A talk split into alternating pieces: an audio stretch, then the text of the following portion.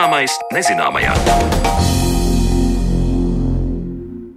Esiet sveicināti raidījumā Zināmais nezināmajā. Turpmāko stundu ar jums kopā būšu es Sandra Kropa, un šodien mēs parunāsim par cilvēku migrāciju. Iedzīvotāju plūsma pasaulē ir intensīvāka nekā jebkad. Pat spītējot Covid pandēmijas ierobežojumiem, robežas tiek šķērsotas un cilvēki arvien meklē jaunas dzīves vietas.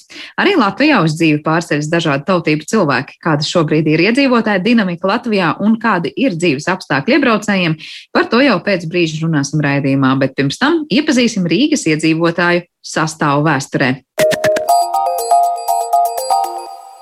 Ir mīts domāt, ka globalizācija un migrācija mūsdienu Rīgu ir padarījusi etniski daudzveidīgāku nekā jebkad agrāk. Arī pirms simts un vairāk gadiem Rīga bija mājas daudzu tautību cilvēkiem, un krietnu laiku latvieši Rīgā nebija vairākumā. Kāds bija iedzīvotāja nacionālais sastāvs Rīgā 20. gadsimta pirmajā pusē, kā un kuras etniskās grupas asimilējās tā laika nacionālajā vidē un kā savā starpā sadzīvoja dažādas tautības, par to vairāk Zanes Lācis Baltalksnes ierakstā. Tomēr mēs viens par otru neko nezinām. Ja ir kādas garīgas parādības, piemēram, teātru izrādes vāciešiem, tad latvieši tur gandrīz nekad neiet. Ir gan attiecīgi sludinājumi laikrakstos, redakcijas aizrādījumi par izrādēm, un tas ir viss. Tas pats ir sakāms arī attiecībā uz krievu tautību, un tas pats arī par citām tautībām. Mums nav nekādas kopības. Tas ir jāsaka arī par ebrejiem. Ko mēs zinām par viņu garīgo dzīvi? Mēs zinām tik daudz, cik avīzes par to raksta. Tas arī ir tāds fakts, kādam nevajadzētu būt. Mums vajadzētu tuvāk sadzīvoties, un tas ir iespējams taisni garīgā laukā. Tā 1924. gadā saimā runāja Sociāldemokrātu partijas deputāts dzēnieks Jānis Rainis. Skatot uz mūsu galvaspilsētu pagājušā gadsimta sākumā līdz Pirmajam pasaules karam, lielākā etniskā grupa te bija vācieši, un latviešu kā mažoritāte nostiprinājās tikai kara laikā. Kā teica mans sarunu biedrs, vēsturnieks Edgars Engīzers, tad sākotnēji vairāk ir jārunā par šķirisko, ne etnisko sabiedrību, jo latviešus tajā laikā nevar uzskatīt par Rīgas iedzimtajiem. Latvieši kopā ar citām brāļu tautām ieplūst galvaspilsētā, kad te sāk attīstīties rūpniecība un ir vajadzīgs darba spēks fabrikās. Šobrīd mēs skatāmies vairāk caur etnisko prizmu, tāpēc ka viņa mums ir pazīstamāka. Bet uh, 20. gados un uh, pirms Pirmā pasaules kara daudz svarīgāks ir šis uh, šķiriskais, politiskais un konfesionālais jautājums. Etniskās attiecības saspīlējās dažādu apsvērumu dēļ tādā politiskā līmenī, bet ikdienā tajā pašā laikā mēs redzam, ka sabiedrībā šī miedarbība notiek ļoti aktīvi un nu, nevarētu teikt, ka Latvijā būtu ļoti plaši etniski konflikti. Kopumā mēs uh, līdz 30. gadu vidum varam redzēt tādu ļoti iekļaujošu sabiedrību, ja mēs skatāmies uz Rīgu. Un te ir vēl viens moments, tas ir tas, ka jau no 19.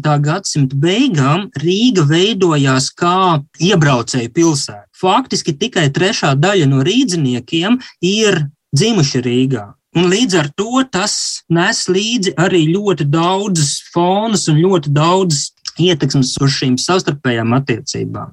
Īsnībā etniskā prizma, eh, es teiktu, līdz tiem pašiem 30. gadu otrai pusē, nu, 30. gadu vidum, viņa nebūtu nav tik nozīmīga, kā mums varbūt tās liekas. Daudz nozīmīgāks, sevišķi pēc Pirmā pasaules kara 20. gados, ir uh, šķiriskā identitāte vai reliģiskā, konfesionālā piedarība, vai pat, es teiktu, arī partijiskā, jeb ja politiskā orientācija. Daudz lielākā mērā ietekmē iedzīvotāju savstarpējo miedarbību nekā viņa etniskā izcelsme. Piemēram, statistikas datos ļoti labi var redzēt, ka ne jau etniskās attiecības ir tās, kas kaut kādā mērā tādā ikdienas līmenī nosaka šīs attiecības cilvēku starpā. Protams, ir uh, lielās tēmas, kas uh, sadala sabiedrību, sevišķi, kas attiecās uz vācu baltiešiem. Un uh, latviešu sabiedrību, kas jautājums, protams, vēl no seniem laikiem attiecības ar un pret ebrejiem atsevišķos gadījumos, kas arī īstenībā nav tik viennozīmīgi, jo ebreji neveido tikai etnisku grupu. Viņi vienlaikus veido arī diezgan noslēgtu konfesionālā piedarību. Un, nu, jāatzīst, ka sevišķi 20. gadu sākumā ir viņi veido šo slēgto kopienu vairāk vai mazāk. Ja mēs skatāmies uz pārējām mazākuma tautībām, tad uh, daudz lielākā mērā ir šīs uh, sociālā rakstura identitātes uh, par pamatu, bet atsevišķos gadījumos viņas pārklājās. Piemēram, pēc Pirmā pasaules kara atjaunojoties Rīgas iedzīvotāju skaitam, kas lielākoties notika migrācijas rezultātā, un Rīgā iebrauc ļoti liels skaits latviešu, krievu, poļu no austrumu Latvijas puses vairāk, tad šie iebraucēji veidoja šo strādniecības masu, kas jau darbojās, miedarbojās ar pārējiem rīdziniekiem. Daudzos gadījumos vairāk šķiriski nekā etniski. Edgars, jūs pieminējāt nesaskaņas starp eh, latviešiem un vācu baltiešiem, un es saprotu, ka te ir runa par 1921. Eh, gada aizsākto agrāro reformu, kad bijušajiem vācu mužniekiem atsavināja viņu īpašumus. Sakiet, kādas vēl tad bija toreiz tās etniskās nesaskaņas, ja mēs skatāmies tieši uz Rīgu? Es teiktu, ka šīs nesaskaņas ir vairāk politiskas, kas um, ļoti bieži parādās politiskajā diskursā, ikdienā, dienas kārtībā un uh, avīžu slēgās. Var uh, kaut vai atcerēties Landesvēra pieminiektu spridzināšanu. Skaidrojums. Runa ir par 1929. gadā Vācu zemesardzes brāļu kapu kompleksa spridzināšanu, kas notika par godu Rīgas atbrīvošanas desmitgadēji. Var atcerēties ārkārtīgi plašās diskusijas par dažādu īpašumu atsavināšanu vācu baltiešiem, vai tas būtu Doma, baznīca vai, vai kāda cita. Tā izskaitā arī runājot par reformām, kas varbūt Rīgas kāra drusku mazāk, ja mēs runājam par agrāro reformu, kā pārējo Latviju, bet Rīgā viņi, protams, atspoguļojās. Un nevarētu teikt, ka šo etnisko attiecību klāstā viss būtu ļoti vienkārši, bet tajā pašā laikā es uh, palūkojos par Rīgu pieejamajos statistikas datos, kur parādās ļoti interesanta uh, lieta, ja mēs paskatāmies piemēram uz uh, laulību noslēgšanu starp dažādu tautību pārstāvjiem. Mēs redzam, ka tie paši vācu baltieši ļoti aktīvi stājās uh, jauktās laulībās ar tiem pašiem latviešiem. Ja mēs tā ļoti rūpīgi nopaļojam, tad trešā daļa no visām laulībām, ko slēdz vācu baltieši, ir ar latviešiem. Interesanti ir ar ebrejiem, jo viņi veidot vairāk uh, tādu slēgtu kopienu, un uh, arī ebreju skaits, kas laulātos ar neebrejiem, faktiski ir statistisku tos datus neietekmējoši, tuvu nulē. Tas pats ir, ja mēs paskatāmies vēl vienu ailītī pieejamajā statistikā, kas ir uh, izglītības sistēma, jo skaidrs, ka šajā laikā ir uh, ļoti nošķirtas uh, šīs kultūras dzīves, kopienām. Katra no viņām dzīvo savā informācijas telpā, kā mēs to mūsdienās varētu nosaukt. Lasa savus laikrakstus, Rīgā iznāk gan krievu, gan, gan vācu presi. Un uh, ir arī šīs mazākuma tautības skolas, kur mēs redzam, ka no vienas puses ir šī Rīvēšanās, sevišķi runājot par latviešu un, un vācu baltiešu attiecībām, no otras puses mēs redzam, ka vācu valodas skolas tiek uzturētas no valsts un pašvaldības līdzekļiem tādā pašā mērā, gandrīz vai kā latviešu skolas. Un uh, mēs redzam arī to, ka minoritāšu skolās mācās gan latviešu bērni, gan arī nacionālo minoritāšu bērni mācās latviešu skolās. Tā sabiedrība ir daudz sajauktāka nekā viņš šķiet, ja mēs paņemam tikai to valodu vai, vai tikai etnisko izcelsmi. Lielāku šķelšanos starp dažādām etniskajām grupām pagājušā gadsimta 30. gados iezīmē divi notikumi - nacistu nākšana pie varas Vācijā un ulmaņa apvērsums, kas turpmākajos gados Latvijā ievelk spēcīgas nacionālisma tendences. Par to turpina Edgars Engīzers. To iezīmē divi tādi ļoti lieli politiski pavērsieni. Viens no viņiem ir nacistu nākšana pie varas Vācijā, kas atspoguļojās arī Rīgas Vācu vidē, kur šīs nacistiskās idejas kādā daļā no sabiedrības ieguva popularitāti. Un Ulmaņa apvērsums, sevišķi politikas izmaiņas pēc 36. gada, kad šis lielākais uzsvars tika likts uz asimilāciju vai, vai šo nacionālās valsts veidošanu, kur var redzēt, ka tā izskaitā šie paši dati par jauktajām laulībām vai mazākuma tautības skolām, kur diezgan skaidri parāda, ka jo nacionālāka ir valsts politika, jo lielāka ir centra bēdze nacionālajām minoritātēm un viņas attālinās no šīs ciešākās integrācijas. Neskatoties uz, uz vispārējo attīstību, var redzēt, ka 30. Eh, gadu vidus eh, lielie pavērsieni samazināja sajaukšanos vai to ciešāko integrāciju, kas Rīgā bija. Cik lielā mērā Vācu baltiķi Rīgā bija šo uh, nacistisko ideju piekritēji? Nu, zināmā mērā varētu teikt, ka šī neapmierinātība arī bija viens no iemesliem, kāpēc tik strauji, sevišķi jaunākajās aprindās, arī šīs nacistiskās idejas ieguva popularitāti. Bet es tiešām gribētu novilkt tādu ļoti trēknu sarkanu strīpu, ka Tajā pašā laikā mēs noteikti nedrīkstam runāt par vācu baltiešiem kā ļoti izteiktiem nacisma piekritējiem, jo tur arī bija ļoti dažādas grupas. Un viena daļa, ka, kas sekoja līdzi notikumiem Vācijā, uzņēma to ar sajūsmu un, un mēģināja kaut kādā veidā ietekmēt caur to arī savu stāvokli Latvijā, un otra daļa, kas pie Latvijas demokrātijas šūpuļa stāvēja, kuri bija ļoti demokrātiski noskaņoti vai vismaz par savu gan gan lielo, gan mazo dzimteni uzskatīja tieši Latviju vai Baltiju tādā plašākā mērā, un uz notikumiem Vācijā skatījās ar uh, pietiekami lielu rezervu. Tā kā nevarētu teikt, ka ir šīs grupas vienotas. Par to, kādas tautības bija sastopams Rīgā 20. gadsimta pirmajā pusē, stāstīja vēsturnieks Edgars Engīzers, un ar viņu sazinājās mana kolēģe Zana Lāca Baltāksne. Bet raidījuma turpinājumā pievēršamies tam, kādu tautību cilvēku pēdējās desmitgadēs pārcēlušies uz dzīvi Latvijā.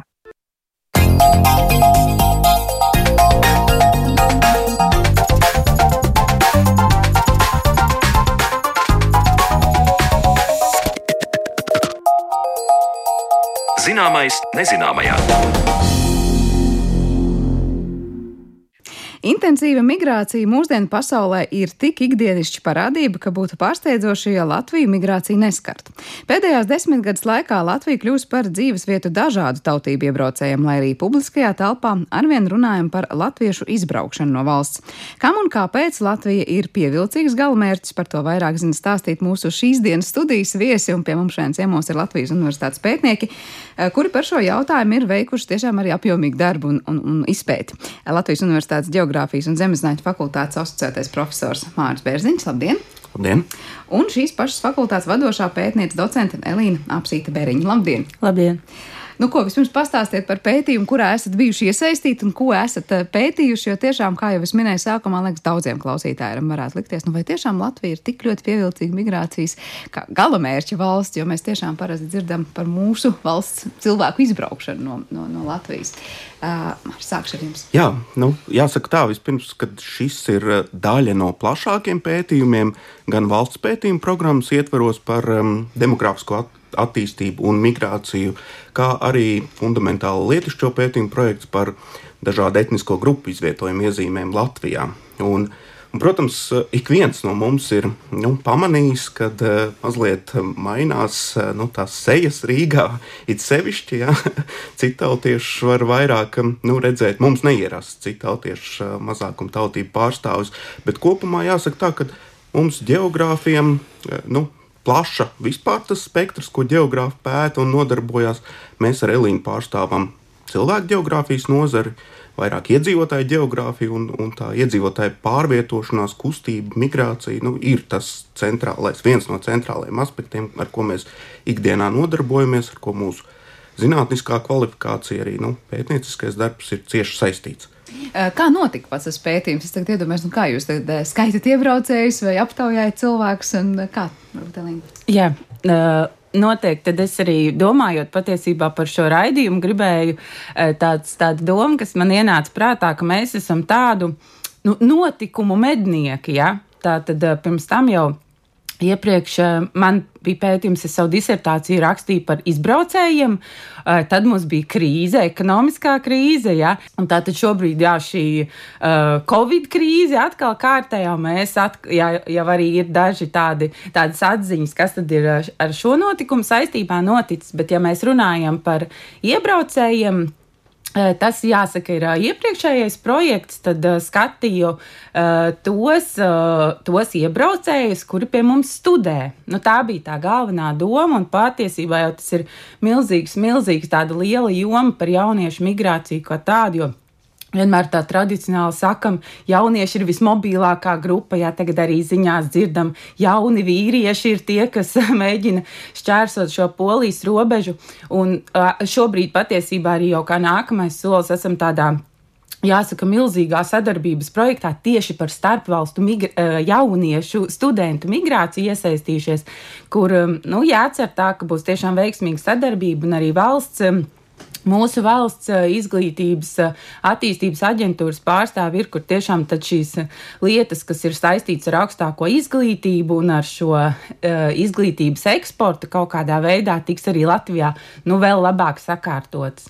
Bet es un... pareizi saprotu, jūs sakāt, ka tieši tos studentu migrantus pētījāt, bet pētījumā laikam tur parādās dažādas šīs tautības. Tautības, un, jā. Tie mhm. mērķi ir ļoti dažādi. Tad man liekas, tur nebija tikai studenti. Jā, nu tas Māris nedaudz sīkāk pastāstīs par, tar, par to, kas teju pat tikko nesen, ko viņš no savas puses darīja, bet tas nedaudz iepriekš, nu jau gadu būs atpakaļ, mēs veicām aptauju, jā, tur bija.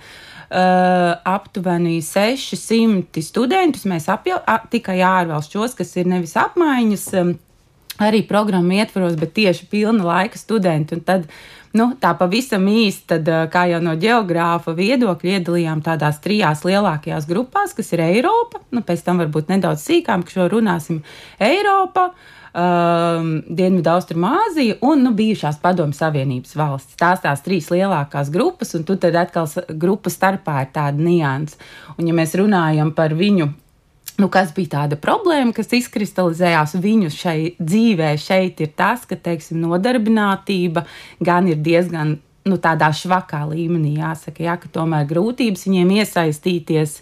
Uh, nu, redzam jau uz ielas, protams, vienu sektoru, jo noteikti visi esam noteikuši, kur mēs viņus redzam, jā, bet uh, tas ir tāds iespējams jautājums, nu, cik mēs esam atvērti, kā mēs spēsim paši, mēs kā sabiedrība pieņemt. Uh, šos nedaudz citādos cilvēkus. Bet tā bija aptauja, jā, ja mēs runājam par to. Bet tas pētījuma mērķis šī brīdī bija vairāk noskaidrot, kur mēs kaut kur viņus tad, nu, nepieņemam vai pieņemam vai ļaujam neļaujam. Nē, ne, gluži. Mēs... Kāpēc viņi ir šeit? Jā, kāpēc viņi ir šeit? Jā, jā, kāpēc viņi ir šeit?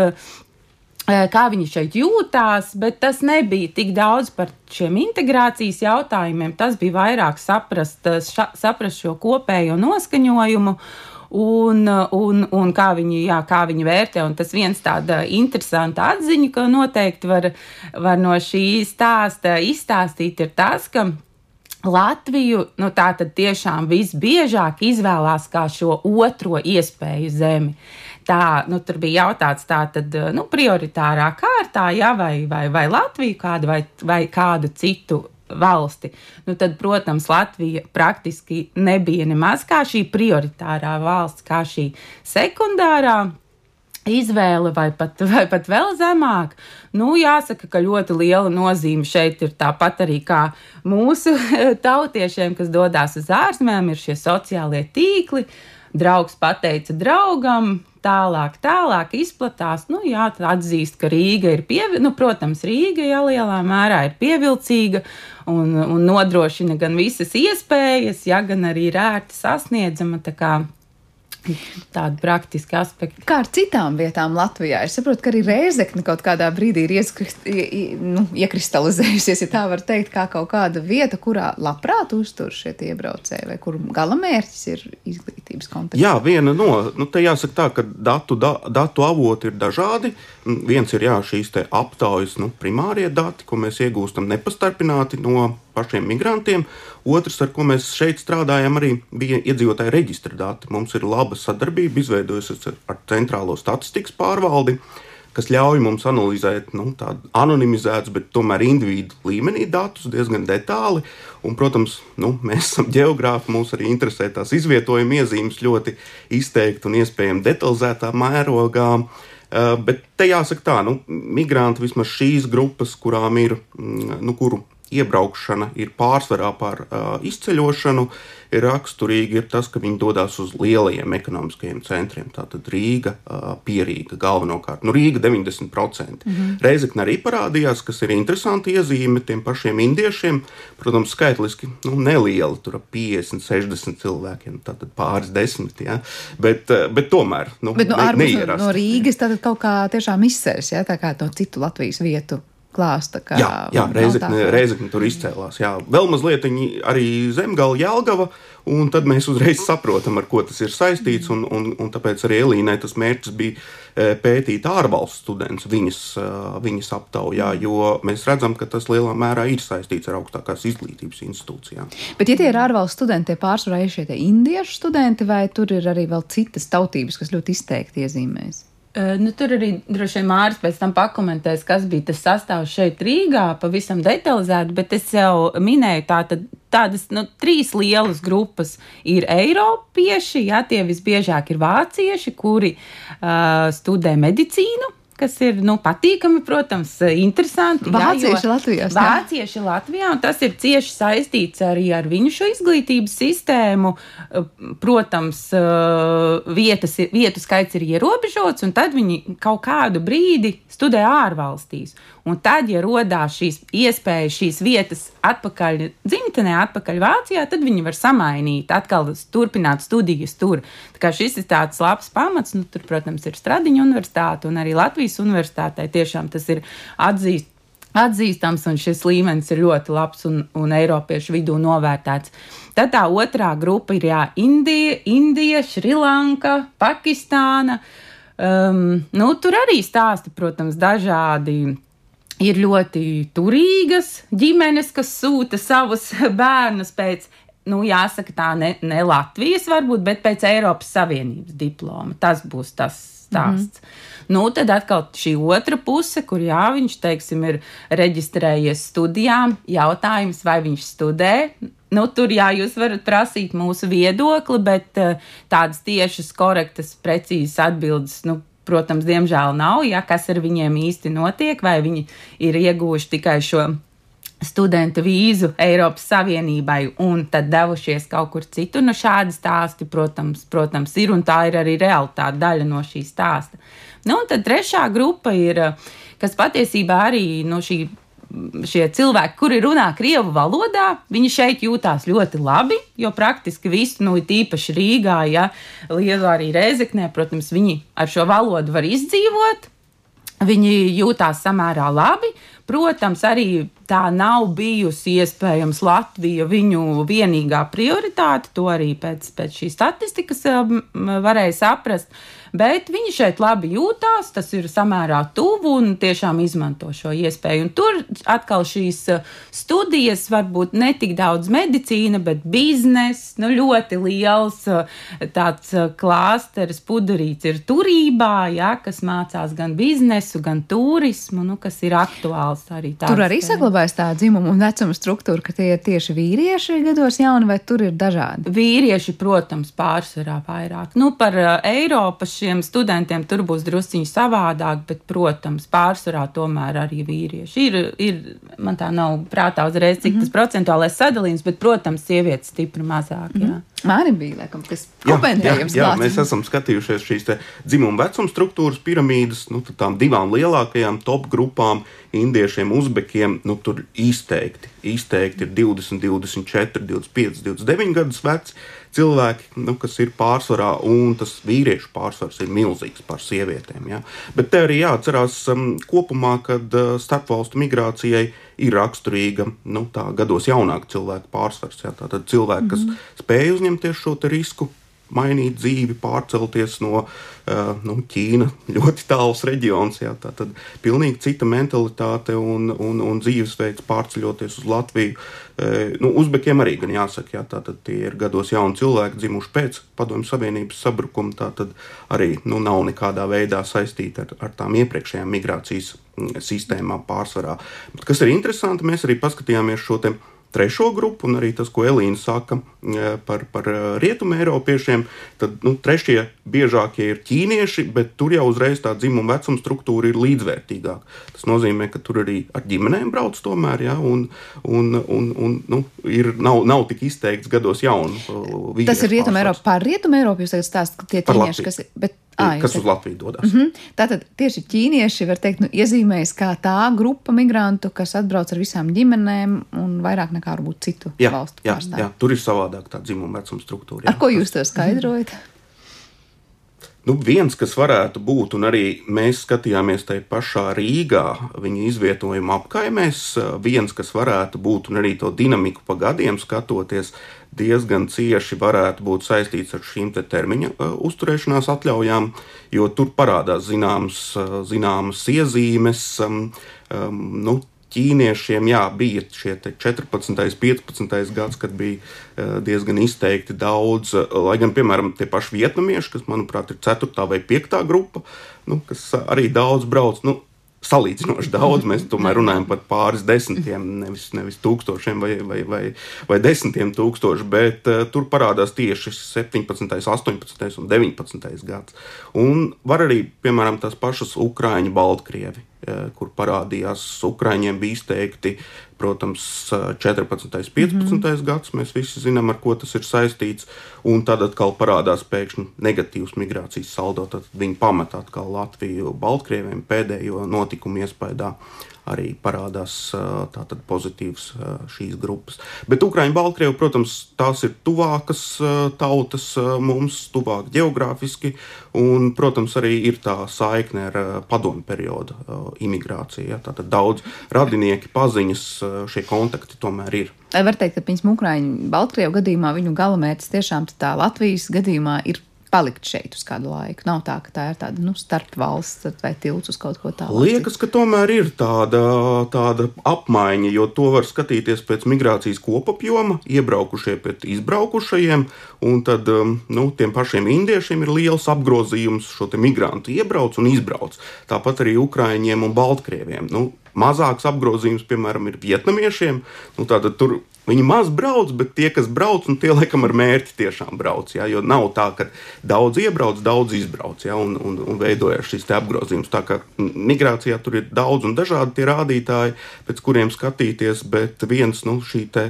Uh, iebraucēju, izbraucēju attiecība pret kopapjomu varētu būt tas, kas parāda, nu, kurš tad kur, kuri tad te kā starpposmu izvēlās, jeb kā, kādu noteiktu dzīves posmu, un kuri tad varbūt tiešām ar mērķi ierodās Latvijā. Mm -hmm. Tur eh, ļoti svarīgi arī visā šajā nu, statistikas stāstā un terminu stāstā ir svarīgi atcerēties to, ka uh, šī arī iebraucēja, nu, ja mēs tos iemeslus gribam saprast ļoti uh, lielā mērā nedrīkst atraut no mūsu latviešu migrācijas, ja?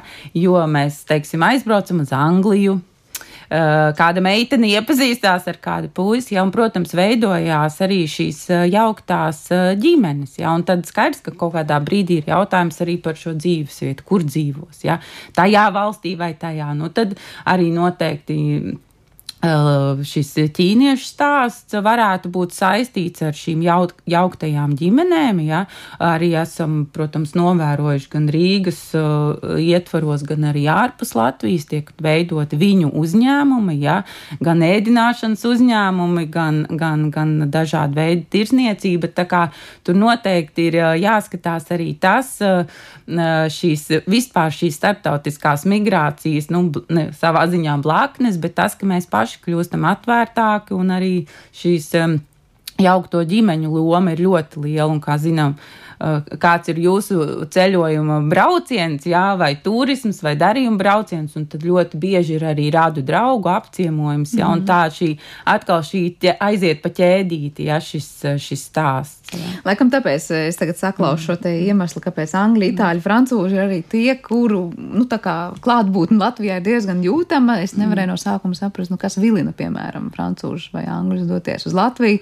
Jā, nu tur var, var vilināt dažādas lietas, jā, var vilināt risināt šīs biznesa lietas.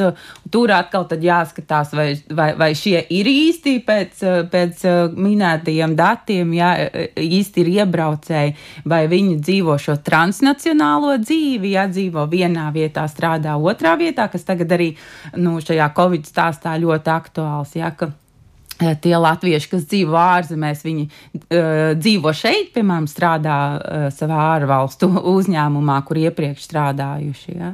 Bet, ja, piemēram, cilvēki šajās jauktajās ģimenēs mm -hmm. dzīvo vienu laiku Latvijā, vienu laiku tajā otrā valstī, viņi vienalga tad tiek ieskaitīti šo migrantu kategorijā un tajā datu, datos par imigrāciju. Nu, tur ir jāskatās uh, par šiem reģistrā, reģistrēšanas momentiem, kurā brīdī viņi ko ir reģistrējuši. Un man, uh, pirms Mārcis gribēja papildināt, uh, tur jau lielā mērā jānotiek šī dzīve, dubultā dzīve, dzīve dažādās vietās, bet nu, tas arī ļoti bieži ir, ir līdz brīdim, kad ir bērni kuriem ir jāiet, jāsāk apmeklēt, nu, vai skola vai pirmsskola. Tas tomēr, to mēs arī redzējām. Tas noteikti attiecās arī šeit uz iebraukušajiem. Ja?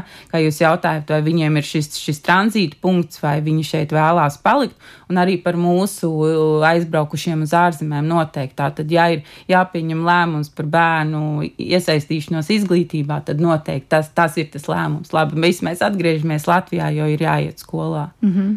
Mārim bija kas piebilstams? Jā, nu šeit kopumā jāsaka, ka mēs te runājam par šo te reģistrēto migrāciju. Tātad legāli notikušu, mm -hmm. un arī mēs te runājam par brīvprātīgu migrāciju. Ja, tie jaunākie notikumi, kas saistās piemēram ar Polijas-Baltkrievijas robežu, ja, ar šiem patvērumu meklētājiem, bēgļiem, tās tomēr ir. Mm, piespiedu migrācija, ja, dažkārt arī organizēti šie migrācijas nelegālie kanāli. Ja, bet, bet tas, kas mūsu rīcībā, jā, tā ir brīvprātīga un, un protams, reģistrēta. Ja, jo, jo ne visi jau arī, protams, savu iemeslu dēļ nu, reģistrē šīs dzīves vietas Latvijā, uzrāda tātad. Ko mēs zinām par to? Labi, jūs teicāt par integrāciju, jūs tur mazāk mm. pētījāt un skatījāties, bet tomēr interesē, nu, vai no šiem pētījumiem mēs varam saprast, nu, ka tie, kas ir šeit brīvprātīgi un reģistrēti migranti, viņi ir pietiekoši integrēti vai integrēties griboši šajā sabiedrībā. Nu, Elīna jau minēja tos eh, starp, starpetnisko laulību aspektus. Patiesībā daudz pētījumu, nu, mm, daudz mūsu kolēģi pētījumu arī Latvijas universitātē, tā skaitā, kur sociologi ir pētījuši, politologi, nu, saka, ka mūsu sabiedrība patiesībā ir toleranta tādā ziņā pret uh, migrantiem. Ir raksturīgi šīs starpetniskās laulības. Tas gan vairāk bija par pētījumiem attiecībā uz, uz šiem padomju periodam uh, imigrantiem, bet, uh, nu, jāsaka tā, ka kad uh, mēs, latvieši, Latvijā dzīvojuši, esam, esam pietiekami toleranti. Un, un tas arī, protams, uzrunā. Cits aspekts ir, um, kas jāņem vērā nu, migrācijā. Ir ļoti daudz dažādu nu, iemeslu, izvēlei, galamērķu izvēlei. Un, uh, un tad, nu, jā, Nav tā, ka mēs esam toleranti pret noteiktām grupām, kas mums patīk, un savukārt pēc tam ļoti netoleranti. Noteikti pret grupām, jā, tas viens arī mēs eh, paši kā cilvēki, cik nu mēs paši varbūt esam, ja esam vairāk bijuši ārzemēs, redzējuši, kā tas notiek citviet, un arī tieši domājot par šo raidījumu, tad man tā doma radās tāda, ka noteikti, jā, mēs esam toleranti, mēs varam, jā, varbūt, nu, kaut kādā e, momentā pat pasmaidīt, būt jauki, jā, pateikties par to, ka ir e, atvedis ēdienu kāds, jā, bet atkal, cik lielā mērā mēs esam, nu, gatavi palīdzēt, varbūt, gatavi iesaistīties kaut kādu lietu risināšanā. Nu, šeit es minēšu piemēru, kur arī veicot šo aptauju, un tur, protams, arī ir, ir dažādas grūtības, ar ko saskarās. Ja, jo, protams, mēs gribam, lai pēc iespējas vairāk atbild, un tad, tad uh, jūs paši zinat, ka ir jau apnicis šīs aptauju anketas pildīt un, un šos ķeksīšus likt. Un tad uh, jāsaka tā, ka es no savas pētnieces um, viedokļi tiešām saskāros ar to, ka viņiem trūkst uzmanības. Viņi ir gatavi, teiksim, ir šīs dažādas grupas, Facebook grupas un, un arī dažādi institūciju šīs grupas, kur tu nu, vari uzrunāt šos cilvēkus. Ja? Un tad uh, viņi sāk rakstīt, jautāt, jā, viņi grib satikties, bet tas jau ir tāds uzmanības trūkums patiesībā. Un tad, nu, nu, nu, cik, cik tu esi gatavs iesaistīties, nu, lai, teiksim, kā, kāds cilvēks sajustos labāk šeit. Uh, uzturoties pie mums. Un arī uh, vēl viens aspekts tieši jā, par viņu šīm, nu, varbūt sajūtām, kā viņi šeit jūtās, ko viņi domā par uh, latviešiem. Bija man arī tāds, nu, jāsaka, atvērtais jautājums, kur viņi var izteikt uh, savas šīs domas. Nu, tur tad tādi lieli divi bloki pārsvarā, jā, ir ļoti labi jūtās, jūtās apmierināti, var iejusties un, un uh, šīs arī šo ikdienas dzīvi um, uh, nu, izbaudīt un sakārtot. Uh, un arī, protams, otrs aspekts, tas, ka latvieši ir augsti un nedraudzīgi vēsi. Ja, nu, to jau mēs savā ziņā, protams, paši par sevi zinām, ka varbūt ir grūtāk iedraudzēties, bet, kad iedraudzējās, tas viss ir ļoti labi. Uh, nu, vēl viens tāds interesants aspekts ir par, jā, par šo dažādo valstu kultūru. Es zinu, ka es biju pirms, pirms desmit gadiem Zviedrijā, un tur bija arī tiešām daudz šie ārvalstu studenti. Tad pasniedzēji runāja savā starpā, vai ka tik grūti, teiksim, ir, ir valstis, kur tiešām vīrietis ir šis noteicošais un viss notiek pēc viņa prāta, un viņam nav pieņemams, ka sieviete pasniedzēji viņam liek dalīties grupā, strādāt grupu darbu un, un, un, un, un nu, viņš nav pieredzējis darīt. Viņš uzskata, ka viņam tas nav jādara, ka meitenēm viss jāizdara, un viņš pēc tam varbūt labākajā gadījumā var prezentēt šo stāstu. Ja? Nu, protams, mūsu augstskolas arī praktiski visas saskarās gan ar šo uh, ikdienu, ikdienas sadzīvi šīm lietām kopmītnēs, jā, kaut vai par to pašu, ko mums pat tā grūti iedomāties par ēdienu gatavošanu. Jā. Ja mēs iedomājamies visas austrumu garšvielas, jā, kas mūsu tādai ikdienā nav tik bieži lietotas, jā, un saprotamas, tad uh, nu, tādi sadzīviski aspekti ir ļoti daudz, ar kuriem patiesībā nu, ir jāstrādā un risinājums jāatrod. Jo, protams, ka šos ārvalstu studentus kopumā mums ļoti vajag. Jo mūsu studenti paliek mazāki jau uz, uz, šiem gadiem, un arī, protams, tas ir tāds uh, finansu aspekts. Protams, ka mums vajag, lai viņi brauc un izmanto mūsu šos, iz, šīs izglītības iespējas, kas ir labi augstu novērtētas. Ne, jautājums vairāk par to, vai viņi atbraucot ir um, vienkārši nesaņēmuši to mūsu vietējo integrēšanās iespēju, vai viņi patiesībā atbrauc un domā, es dzīvošu savā mazajā kopienā, un man nemaz nevajag integrēties tajā Latvijas sabiedrībā. Nu, tas bija viens no mērķiem, ko mēs gribējām noskaidrot, jo e, klasiski no literatūras ir tā, ka, piemēram, nu, šīs Dienvidu Austrumāzijas kopienas ir tādas noslēgtas. Ja, ir zināms, e, lielajās Rietumē Eiropas pilsētās, Londona, Amsterdama, kur viņas dzīvo noslēgtu dzīvi. Un, nu, labi, mēs to analīzes metodu, ko izmantojām, nu, statistiski nozīmīgus klasterus izdalījām, bet patiesībā nu, šiem indiešiem, uzbekiem parādījās. Jā, Eh, centra apgājums, piemēram, Rīgā. Eh, un ļoti daudz arī tās apgājumas, kur ir šīs kopmītnes, augstāko izglītības iestāžu.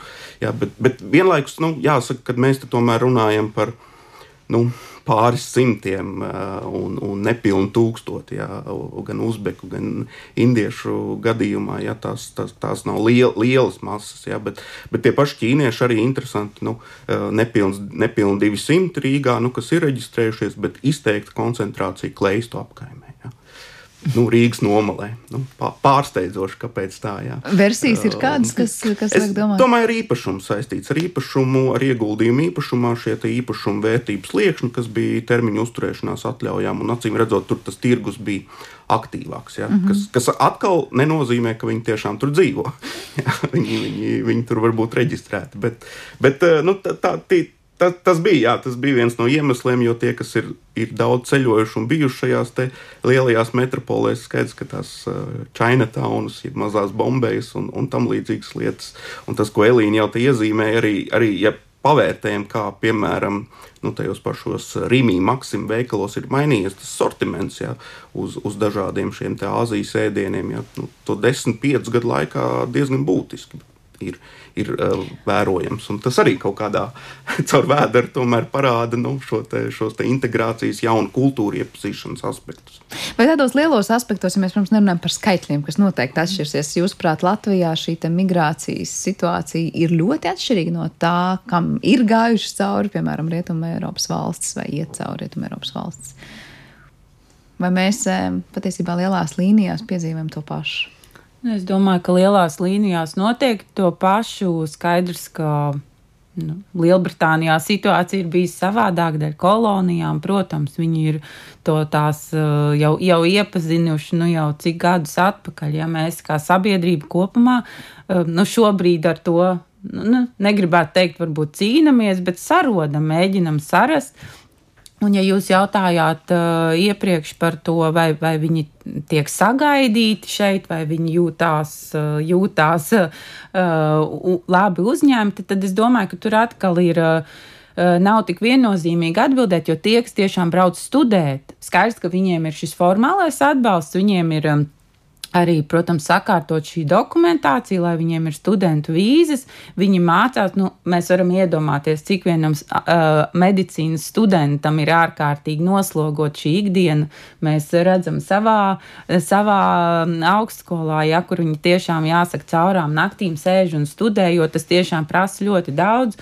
Nu, ir atkal uh, cita grupa, jā, kas varbūt ne tik lielā mērā viņi ir priecīgi, ka viņi ir tikuši prom no savas. Um, dzimtās vietas, teiksim, finansu līdzekļi viņiem varbūt atļauj, tad, protams, tur ir, tur ir atkal cita aspekta, droši vien kāda infrastruktūra viņi labāk iepazīst un, un, un, un paši saviem spēkiem mēģina iepazīt. Bet, ja mēs runājam par tādu formālu atbalstu, protams, šim uh, partneriem, kas ir ieradušies, protams, ka tiek piedāvāti valodu kursi, un, un arī šis aspekts Latvijā noteikti nu, tādos varbūt nedaudz jāsaka projekta veida šādās aktivitātēs, bet noteikti tiek piedāvāts un kultūras ministrija daudz strādā, lai, lai tiešām piedāvātu šīs iespējas un tas būtu nosakt šis lauks. Es par to atšķirību arī iedomājos nu, vairāk tajā, ko jūs sākumā stāstījāt, ka no vienas puses viens segments šeit ir tās postpadomju valsts, kas atrod mm -hmm. šeit sev ļoti ērtu vidi. Mm -hmm. es vienkārši iedomājos, nu vai tādā Lielbritānijā, Francijā, Vācijā viņi tikpat viegli varētu atrast varbūt sev tādu nu, ļoti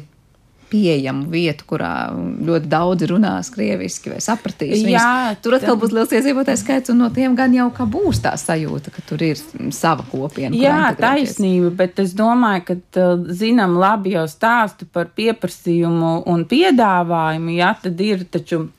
Protams, ja mēs runājam par šiem krievalodīgajiem, jā, skaidrs, ka Francijā viņi nebūs nu, nebūs tik liela grupa, varbūt, bet tur atkal šis iekšējais, šīs grupas spēks. Ja, mums ir praktiski atkal visās lielajās pilsētās, manuprāt, ir šie krievu veikali, kur krievu produktus var nopirkt. Nu, tad tā ir atkal jau tāda mm. ķēdīte, kur tomēr, ja šī, šis virziens ir, tad noteikti tas tiek izpildīts.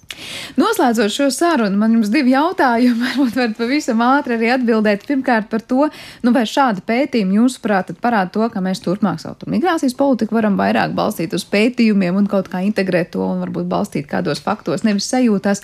Un kā jūs redzat to situāciju varbūt pēc kādiem, nu, desmit vai vairākām desmit gadiem šeit uh, Latvijā? Sākšu ar jums. Jā, nu, noteikti pārstāvot jā, zinātniekus, un skaidrs, ka uh, mēs būtu ieinteresēti turpināt šāda veida pētījumus, un migrācijā daudz ko ir, ir, ir ko pētīt. Un, uh, un, un, un noteikti, noteikti Latvija ir nu, interesants piemērs ar to, ka mēs esam piedzīvojuši nu, tādā ilgākā laikā šo migrācijas virzienu maiņu. Eh, esot no imigrācijai pakļauts valsts padomju periodā, ja, tad ļoti liela daļa mūsu tautiešu un Latvijas iedzīvotāju aizbrauca pēc neatkarības. Nu, tagad notiek tāda diversifikācija un, un, un jaunas iezīmes parādās, eh, kāpēc būtu vērts pētīt. Ja mēs tā par demogrāfisko attīstību skaidrs, ka migrācija ir tas, demogrāfiskais process, kas vieglāk, jeb nu, ātrāk pakļaujas tādiem dažādiem regulējumiem. Nu, tur var slēgt robežas, var uh, piešķirt šīs te termiņu uzturēšanās atļaujas, dažādus citus mehānismus uh, īstenot. Uh, bet, nu, protams, gribētos, kad arī, arī par šo te, nu, tautas attaudzi, demografisko uh, dzimstības mirstības jautājumiem vairāk tiek, tiek runāts par ko mēs arī, protams, pētām, un, un tas ir migrācija un šī demogrāfiskā attīstība nav, nav atraujama viena no otras. Mm -hmm. Elīna, tad noslēdzošie vārdi par to, kādas būs tās nākamās desmitgades vai nākamie desmit gadi Latvijā migrācijas kontekstā, nu jūsuprāt? Nu, es domāju, ka tādā valstiskā līmenī mums, protams, ir uh, daudz jāmācās, daudz jāpilnveidojās, un uh, uz ko lielā mērā ir arī balstīta uh, nu, tā pieredzes apmaiņa, ir labās prakses, citvieta, ko tiešām var pārņemt un arī ieviest, lai Latvijā šīs lietas ir sakārtotas un, un pēc iespējas labāk. Nu, kā sabiedrība, es domāju, noteikti mums būs arī jāmācās, būt jā, jābūt pieņemošiem, jābūt saprotošiem. Ir skaidrs, ka, ja, ja vien mēs robežas neaizslēgsim, tad skaidrs, ka būs ar vien jaunas, interesantas grupas. Nu, mums kā pētniekiem lieliski atkal ir jauni izaicinājumi un, un jaunas idejas, ko var ģenerēt, kādā veidā var, var pētīt un skatīt cilvēkus. Un savukārt mums kā sabiedrībai interesanti skatīties, ko jūs kā pētnieki atrodat un kādas uh, kopsakarības ieraugāt un par tām arī pastāstāt. Liels jums paldies par šo sarunu. Šajā reizē es atgādināšu, ka pie mums viesojās Latvijas Universitātes Geogrāfijas un Zemeszinātņu fakultātes asociētais profesors Mārs Bērziņš un šīs pašas fakultātes vadošā pētniece docente Elīna Apsīta Beriņa. Ar to arī raidījums ir izskanējis un par to parūpējās producenta Paula Gulbinska. Skaņu režijā šajā stundā bija Normits Papa, par mūziku parūpējās Girds Bišs, bet ar jums kopā bija es Sandra Kropa. Lai mums visiem veiksmīga un jauka diena un uz tikšanos!